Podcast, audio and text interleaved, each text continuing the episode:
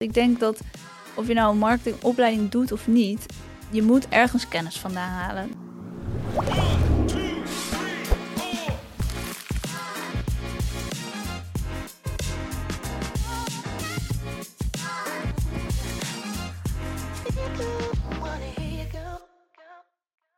Hoi en welkom bij een nieuwe aflevering van de Marketing in Tech podcast. Mijn naam is Niels en ik zit hier weer met Chantal. Vandaag gaan we het hebben over marketingopleidingen. Maar voor we met de stelling starten, zou ik jou eerst willen vragen, Chantal. Wat is jou opgevallen? Wat is een actualiteit of iets dat je is opgevallen wat je met onze kijkers zou willen delen? Het is geen actualiteit, maar wel iets dat me is opgevallen. Ik ben benieuwd. Ehm, ik hoorde iemand die ehm, zijn eh, iPhone-scherm wilde laten repareren. Je weet het wel, hij valt, je hebt een barst erin, ja, de wereld vergaat. Klopt. Maar ja, dan wil je snel het opgelost hebben. Dan blijkt er dus een bedrijf te zijn dat bij jou aan huis komt om je scherm te repareren. Luxe. Ja, luxe. Ehm, wat denk je dat het kost? 50 euro? 200 euro. En Ja. dat wordt dus gedaan. En toen bedacht ik me weer dat wij het een keer over de 4P's hebben gehad. Ja. En dat komt dan weer hier mooi in de praktijk. De productprijs, plaats, promotie. En in dit geval heeft de plaats een hele grote invloed op de, Op de prijs. prijs. Ja. En betaal je dus best wel een stuk extra voor dat stukje gemak dat jij nergens heen hoeft om je telefoon te laten repareren. ik zou het zeker doen.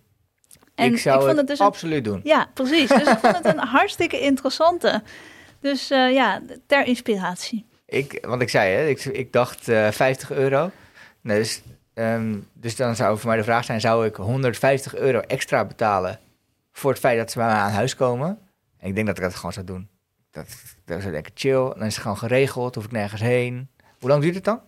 Ja, dat weet ik niet. Maar als ik ook bijvoorbeeld kijk naar jou als, als ZZP'er. Als jij naar de stad moet, ergens moet wachten. Toch? Je bent zo een uur kwijt. Kost ook. eh, Kost ook geld ja, voor jou. Zeker. Ja, Dus, eh, leuk. Mooi, eh, mooi voorbeeld. en jij? Nou, wat mij is opgevallen, ik kijk naar de Formule 1.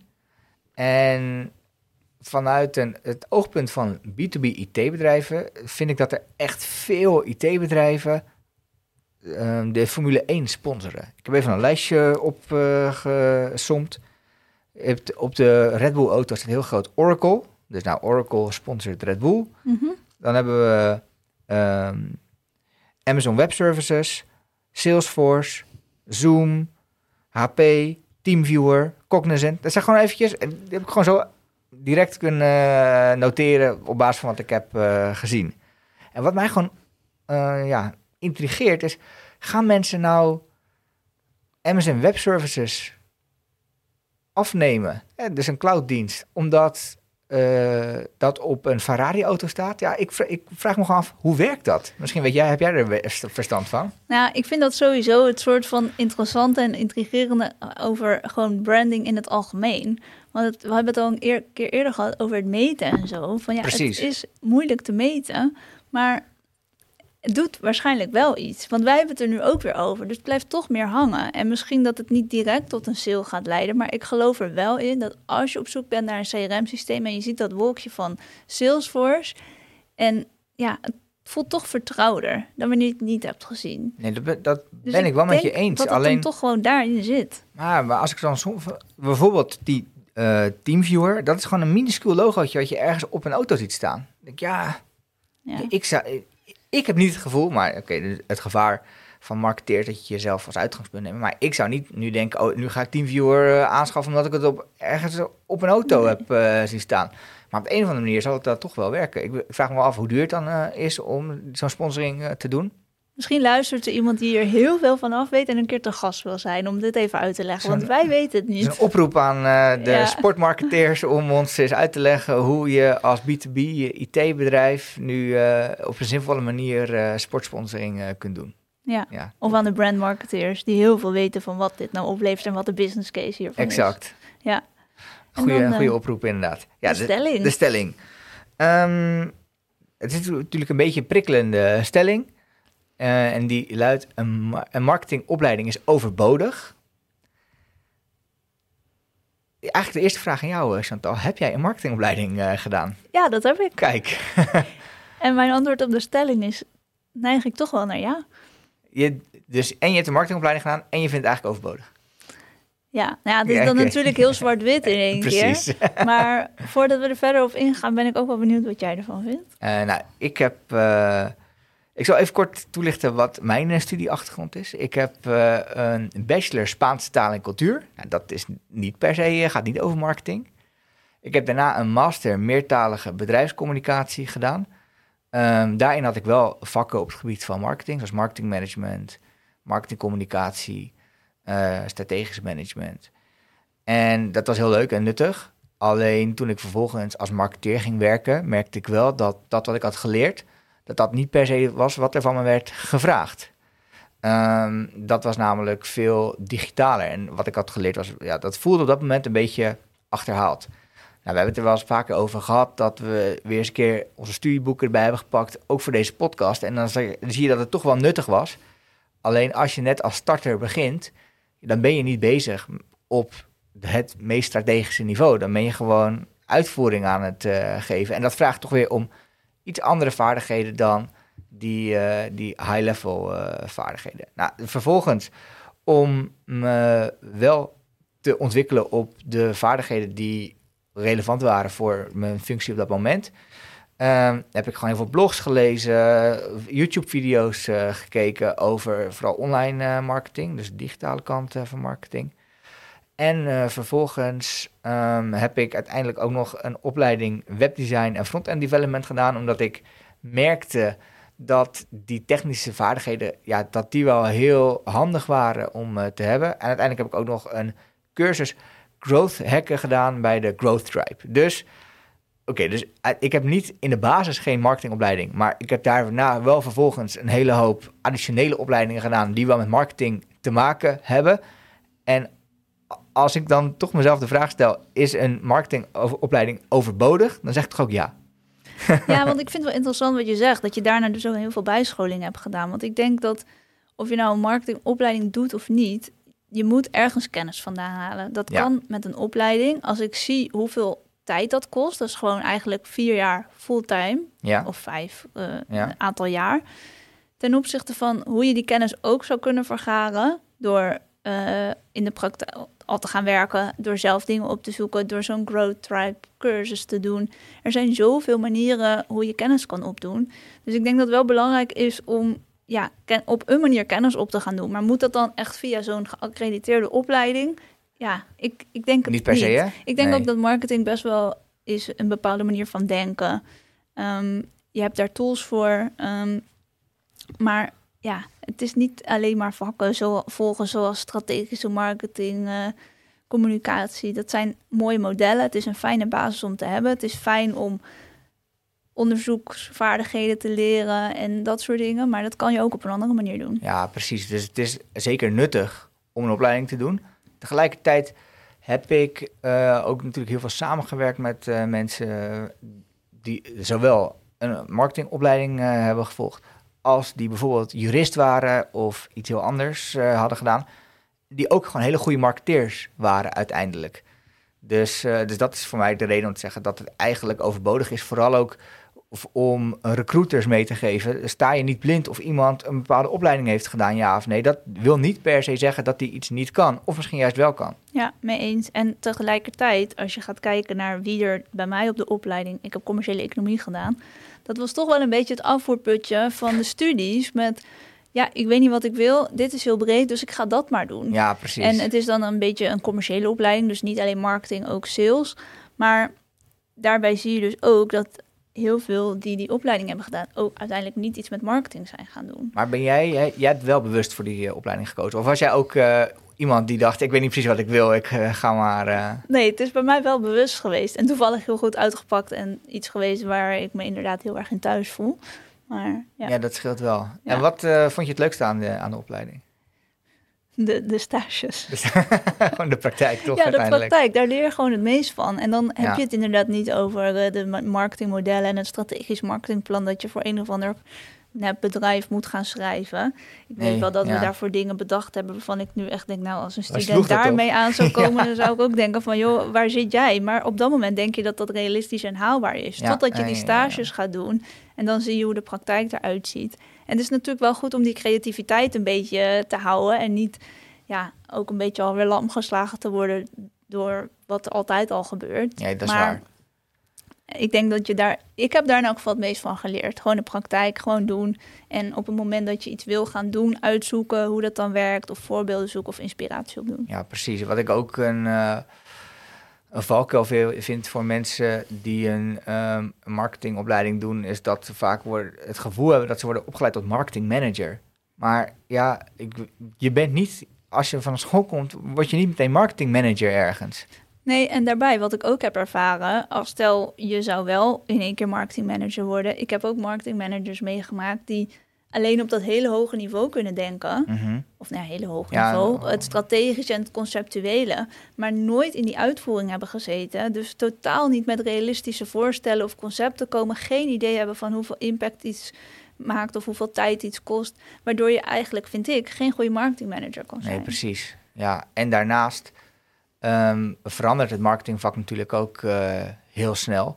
Dus wat ik zei, dat ik tijdens mijn master ehm, eh, eigenlijk bijna geen... Is bijna geen aandacht geweest voor de digitale kant van marketing. Terwijl dat in de praktijk alles was, ongeveer wat er werd eh, gevraagd. Ehm, en dat wanneer je niet bewust bent van de digitale mogelijkheden, dan kun je dat dus ook niet meenemen in je strategische plannen. Nee, en bijvoorbeeld de boeken die ik had, eh, die dan wel over online marketing gingen. Een boek over eh, adverteren op Google. Oké, ja, ja, Ja, ja, ja. dat verandert elke maand ongeveer. of hoe je hoog in Google komt. Ja, dat soort dingen. Als je daar een boek van hebt wat al twee jaar oud is, wat het gewoon letterlijk was. Ja, sorry, maar dat kan je toch eigenlijk niet serieus nemen. Ehm, ik vraag me toch ook af wat die docenten dan denken, zeg maar. Of die nou a- daarachter staan. Ik heb wel eens begrepen, ik heb wel eens met een docent van eh, een commerciële economieopleiding gesproken. En die zei, dat komt ook door eh, de inspectie. Omdat die eist dat bepaalde vakken op een bepaalde manier worden gegeven. Dus op het moment, dus je, je, je bent verplicht om aan je accredit- accreditatie te voldoen. Dat je bepaalde eh, vakken behandelt. En waardoor je dus geen ruimte hebt om dingen zomaar te schrappen, omdat ze niet meer relevant zijn. Ja, dan ja, misschien bij de volgende revisie over vijf jaar. Ja, laten we daar maar niet te ver op in.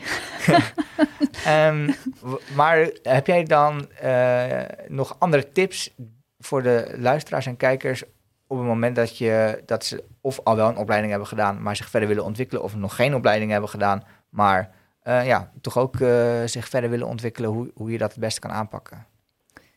Ja, ehm, ik denk gewoon wat we eerder eigenlijk ook al zeiden, doordat we deze podcast zijn gaan doen, blijf je een beetje zoeken naar wat is er, wat zijn de mogelijkheden. En wat ik ook altijd heel erg leuk vind, niet al genoeg tijd voor genomen. Eigenlijk weer een goede reminder voor mezelf Ja. om dat te gaan doen. Maar ook gewoon eens bij andere bedrijven gaan kijken van hoe zij dat nou doen. En ja, die tijd te nemen. En dat klinkt allemaal heel vaag, maar net als dat jij die Road Tribe opleiding hebt gedaan, ja, vaak komt, schiet het er toch een beetje bij in. Maar het is juist belangrijk om voor jezelf bijvoorbeeld gewoon het doel te zetten van... joh, ik wil elk jaar een nieuw certificaat halen. Dat hoeft dan niet meteen een opleiding te zijn van een jaar... maar dat kan ook een cursus zijn van één of twee dagen. Ja, precies. Ehm, elke week eh, wil ik ehm, een, een nieuw artikel lezen... of ga ik iets uitzoeken wat me intrigeert. Ehm, jezelf een beetje uitdagen eigenlijk. Ja, precies. Ik, eh, het is best wel grappig, want ik eh, bedenk me nu opeens dat ik een paar weken geleden werd ik gebeld door een jongen die commerciële economie studeerde. En Mhm. die had als opdracht om ehm, mensen in de, ja, in de praktijk te interviewen. Dus toen, hij, het was wel grappig, hij belde me. En toen eh, vroeg hij of het uitkwam. Toen zei ik, nou weet je, zullen we anders iets inplannen om van de week iets af te spreken? En, maar toen vroeg ik meteen aan hem, of moet het, vandaag, of moet het morgen af zijn? En zei hij, eh, ja, eigenlijk wel. Maar dat herken ik natuurlijk, want ja, zo... Je hebt in dezelfde positie. ja, precies. Zo, zo deden we het al, altijd. Dus, eh, Dus ik heb even tijd genomen met die jongen gewoon om zijn, eh, om zijn vragen te beantwoorden. En uiteindelijk was zijn laatste vraag wat, wat ik hem zou adviseren om te doen. En mijn advies aan zowel studenten als aan andere mensen die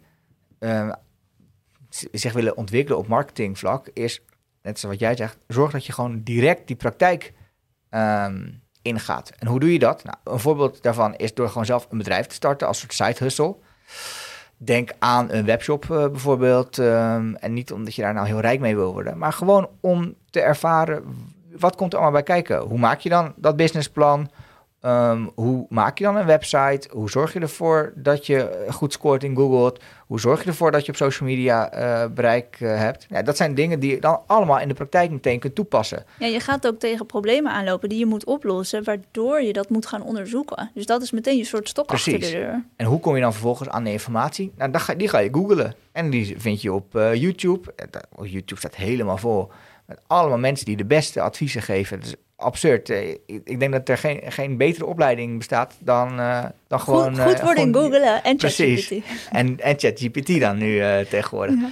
Maar um, als je geen zin hebt om een bedrijf te starten, zou je ook bijvoorbeeld de social media voor je sportvereniging kunnen oppakken, als voorbeeld. Dus ja, mijn advies is ook, ook al doe je een opleiding, zorg ervoor dat je gewoon zo snel mogelijk... Uh, ja, praktijkervaring uh, gaat opdoen. Want dat is toch uiteindelijk waar het, uh, waar het om draait. Ja, wat je zegt is wel interessant. Want ook al ben je geen student meer, maar ben je nu werkzaam. Maar je wil oriënteren hoe het is om je wat meer met social media bezig te gaan houden. Kun je ook bij de sportvereniging zeggen van joh, zal ik dat gaan doen? Precies. En het is ook goed om te bedenken van welke kant wil ik eigenlijk op. Want er zijn zoveel ja, de, kanten die je op kan gaan, net als wat je zegt met webdevelopment, dat is ook steeds meer een, een, skill die marketeers hebben. Je kan gaan kijken van wil ik me heel erg specialiseren op iets, op bijvoorbeeld Google of advertising, of wil ik wat generieker blijven en wil ik meer ja, die, die, dat strategische stuk gaan oppakken. En... Ben ik een T-shape marketeer? Precies, ja. Dan, uh... Verwijzen we even terug naar de vorige aflevering. Exact, exact. Ja. Leuk. Um, nou, dus volgens mij, uh, ja, we zijn het eens uh, met stelling. Met, ja, alle, met, met, alle, maar met alle nuances uh, die er binnen zijn. Ja. Ehm, een opleiding is nuttig, maar het is niet nodig om succesvol te zijn per se. Er zijn namelijk genoeg andere manieren om die kennis op te doen. Sterker nog, misschien wel betere manieren dan een opleiding. Ja. Een opleiding is dan wel weer een goede stok achter de deur, maar goed. Dat, dat, nou ja, dat, ja. dat zou je dan kunnen zeggen dat je doordat je wordt gecontroleerd, doordat je toch feedback krijgt, uh, dat dat wel een toegevoegde waarde zou kunnen zijn. Ja, oké. Okay. Nou, ja. mooi. Nou, een mooie conclusie. Um, heb jij een les uh, die jij wilt delen? Ja, het is eigenlijk een hele simpele les, maar als marketeer kan je vaak best wel veel ballen in de lucht moeten houden. Veel dingen bezig zijn, er worden veel initiatieven gestart. Ik zag pas ook weer een plaatje op LinkedIn voorbij komen. Uh, kern kwam er eigenlijk op neer dat marketeers vaak overal verantwoordelijk voor zijn. Dat iedereen denkt, oh, dat is marketing, dat is marketing. Waarbij het risico is dat je heel veel dingen aan het doen bent, maar eigenlijk net niks afmaakt, dus weinig resultaten bereikt. Dat kost ja. heel veel ruimte in je hoofd en je krijgt er ook helemaal geen voldaan gevoel van. Dus het was eigenlijk voor mij weer eventjes een soort check van dingen afmaken. Of gewoon afkwalificeren van dit gaan we niet doen. Of het afronden en het wel gaan doen. Of weten wanneer je welke stappen gaat zetten. Waardoor het ook gewoon overzichtelijk blijft. En je toegevoegde waarde blijft leveren. Ja, precies. Dus uh, minder dingen doen, maar, de dingen, maar die dingen dan gewoon goed doen. Ja, ja. ja. Oké, okay, mooie. En dus nee durven zeggen. En nee durven zeggen. Dat is nog altijd wel een uh, ding, hè? Ja, ja precies. Um, ja, de les die ik uh, wil delen is dat ik, we hadden het eerder al over ChatGPT. En ik uh, heb het gevoel dat ik steeds beter word in ChatGPT in te zetten om daar voordeel uit te halen. Mm -hmm. Zo had ik vorige week een value proposition workshop die ik voor een klant moest um, faciliteren. En ik, doe dat al, uh, al jaren, dat soort uh, workshops. Uh, en dat gaat ook altijd goed, maar ik ben, ik ben altijd op zoek naar manieren om het beter te doen. Dus ik heb ChatGPT gewoon eens gevraagd, um, hoe zou je je voorbereiden op zo'n workshop? Welke vragen zou je moeten stellen bij het vlak jobs to be done? Hoe kun je de deelnemers um, beter betrekken en meer interactie uh, eruit krijgen. En ik kreeg allemaal suggesties waarvan ik dacht van ja, dat is toch leuk om op die manier weer je werk een stukje beter uh, te doen. Dus uh, ja, ChatGPT is voor mij een ideale assistent. Ja, goede les. En um, kwamen er dan dingen uit waar je echt niet aan had gedacht? Of was het meer dat het ergens al wel in je hoofd zat, maar dat het op die manier wat makkelijker naar boven kwam? Ja, ik zit even te denken, ja, vooral het laatste, dus het, het het, je weet het in principe allemaal wel. Maar het is gewoon fijn om het gewoon eventjes gestructureerd op een ja. uh, rijtje te hebben. Uh, maar een van de vragen die ik ook wel eens heb, uh, omdat ik daar in de praktijk wel eens tegen aanliep, was: bij het clusteren van de verschillende ideeën die tijdens de workshop zijn benoemd, um, moet je daar dan zelf als facilitator de leiding in nemen of moet je de deelnemers dat laten doen? En de, want het is een beetje afhankelijk van de deelnemers hoe goed dat van de grond uh, komt. Mm -hmm. um, en toen gaf hij als tip om zelf een voorzet te doen, maar vervolgens de deelnemers die verschillende clusters laten toelichten in plaats van dat ik het zelf deed. En toen dacht ik, oh ja, dat is eigenlijk best wel leuk. En dus dat heb ik gedaan en dat uh, verliep ook best wel goed. Dus, leuk. Ja. En heb je nog een casus meegenomen voor deze week? Ik heb een casus meegenomen um, het, die iets anders is dan, dan anders, maar wat ik wel echt heel leuk vind om, om toe te lichten. Ik weet niet of je bekend bent met het concept van de PayPal-maffia. Oké, okay. je kent het uh, bedrijf PayPal. Mm -hmm. Dat is een uh, betalingsverwerker uh, opgericht in 98 volgens mij. In 2002 overgenomen door eBay. En de oprichters en het topmanagement van PayPal... die hebben uiteindelijk een mega lange lijst van belangrijke nieuwe bedrijven gestart. En daarom heten ze de PayPal Mafia. En om eventjes een voorbeeld te geven van de impact van de PayPal-maffia. Ik noem eventjes Elon Musk met uh, Tesla en SpaceX. Reid Hoffman, LinkedIn. Uh, Steve Chen, Chad Hurley en Jawed Karim, YouTube. Um, Peter Thiel, Peter Thiel, uh, Palantir. Dus ja, gewoon de belangrijkste bedrijven van dit moment zijn eigenlijk voortgekomen allemaal uit die, uh, dat, dat kleine netwerk van, uh, van PayPal.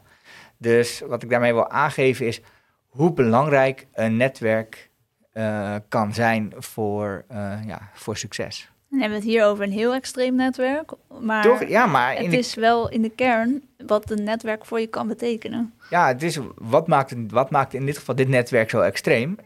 Dat is dat ze, dat ze deze uitkomsten met elkaar hebben weten te realiseren. Maar, eh, en dan is dus de vraag, hoe komt het dan? Ik denk dat het een combinatie is van dat ze toegang hebben tot elkaars kennis, toegang hebben tot kapitaal, um, en zodat er genoeg geïnvesteerd kon worden in die uh, bedrijven. Uh, een ander voorbeeld is namelijk um, Yammer die, van David Sachs. Komt ook voort uit, uit de PayPal-maffia. Uiteindelijk overgenomen door, door Microsoft. En ja, en dat, en dat is nu volgens mij de basis van je teams, of onderdeel van je teams, uh, chat uh, en zo. Dus om, ja, het netwerk biedt zoveel mogelijkheden om zowel te starten, om het talent aan te trekken, om kapitaal aan te trekken, om vervolgens ook weer je bedrijf te verkopen, zeg maar. Ja, interessant. Ik dus, hoor het er nog niet van gehoord. Nee, nou, dus ik kan ja, je moet je maar eens in verdiepen. Welke, en dit is nog maar een klein lijstje dat ik heb genoemd. Er zijn nog veel meer bedrijven die allemaal uit die, uh, uit die koker komen. Leuk. Um, Chantal, heb jij nog een laatste tip die je met onze kijkers en luisteraars wilt delen? Um, ja, dat is eigenlijk al wel een wat ouder en bekender boek van uh, Robert Cialdini over de ja. invloed, heet dat. En dat gaat over de zeven invloedprincipes, waaronder bijvoorbeeld schaarste, Um, en autoriteit. En nou ja, zo zijn er nog uh, vijf meer. Die komt wel vanuit mijn marketingopleiding. Dus okay, in kijk. die zin is dat wel handig Ja. geweest.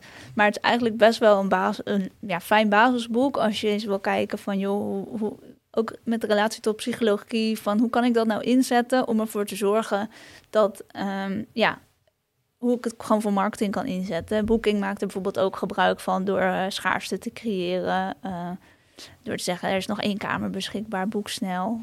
Ja, precies. Ja, ik uh, heb het boek ook aangeraden gekregen tijdens mijn opleiding. Mhm. Dus ik, het is wel echt een klassieker inderdaad. Ja. Um, en ik kan het zeker, ik sluit me helemaal aan. Ik raad iedereen aan. Heb je dat boek nog nooit gelezen? Stop met alles wat je nu aan het doen bent. Bestel nu dat boek en uh, start morgen als die binnen is uh, om hem meteen uh, te lezen. Omdat het zoveel inzicht geeft. Wat zowel toe te passen is in je werk als marketeer. Maar ook gewoon in het dagelijks leven om je te wapenen. Ja, weerbaarder te worden tegen al die principes hoe het op je gebruikt Precies, wordt. Precies, ja. ja, ja. ja. En jij? Um, nou, ik had iets anders voorbereid, maar op basis van wat jij net zegt, heb ik ook een, een boek dat achter jou in de kast staat. Misschien is het wel leuk. Dat heet Hoekt. Ja. Ja. Hoekt van uh, Neer Eyal. En ik pak eventjes uh, die camera. Um, hoe je mensen verslaafd maakt aan jouw product. En het gaat dus ook vooral goeie, over... Goeie titel. Het, het gaat vooral over, over um, ja, digitale producten. En ja, voor marketeers en uh, product managers is het, uh, ja, staat gewoon bomvol psychologische inzichten om ervoor te zorgen dat mensen jouw digitale product zoveel mogelijk gebruiken. En dan ja, vooral voorbeelden vanuit Facebook bijvoorbeeld. Um, en tegenwoordig heb je natuurlijk TikTok, wat een mega populair digitale applicatie is.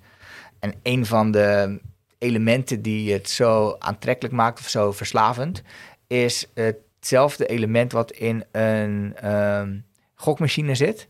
En dat is namelijk dat je, als je blijft scrollen, dan is er een kans dat het volgende bericht, dat dat echt het bericht wordt waar je, waar je echt op zit te wachten, zeg maar. Maar je weet niet wanneer het komt.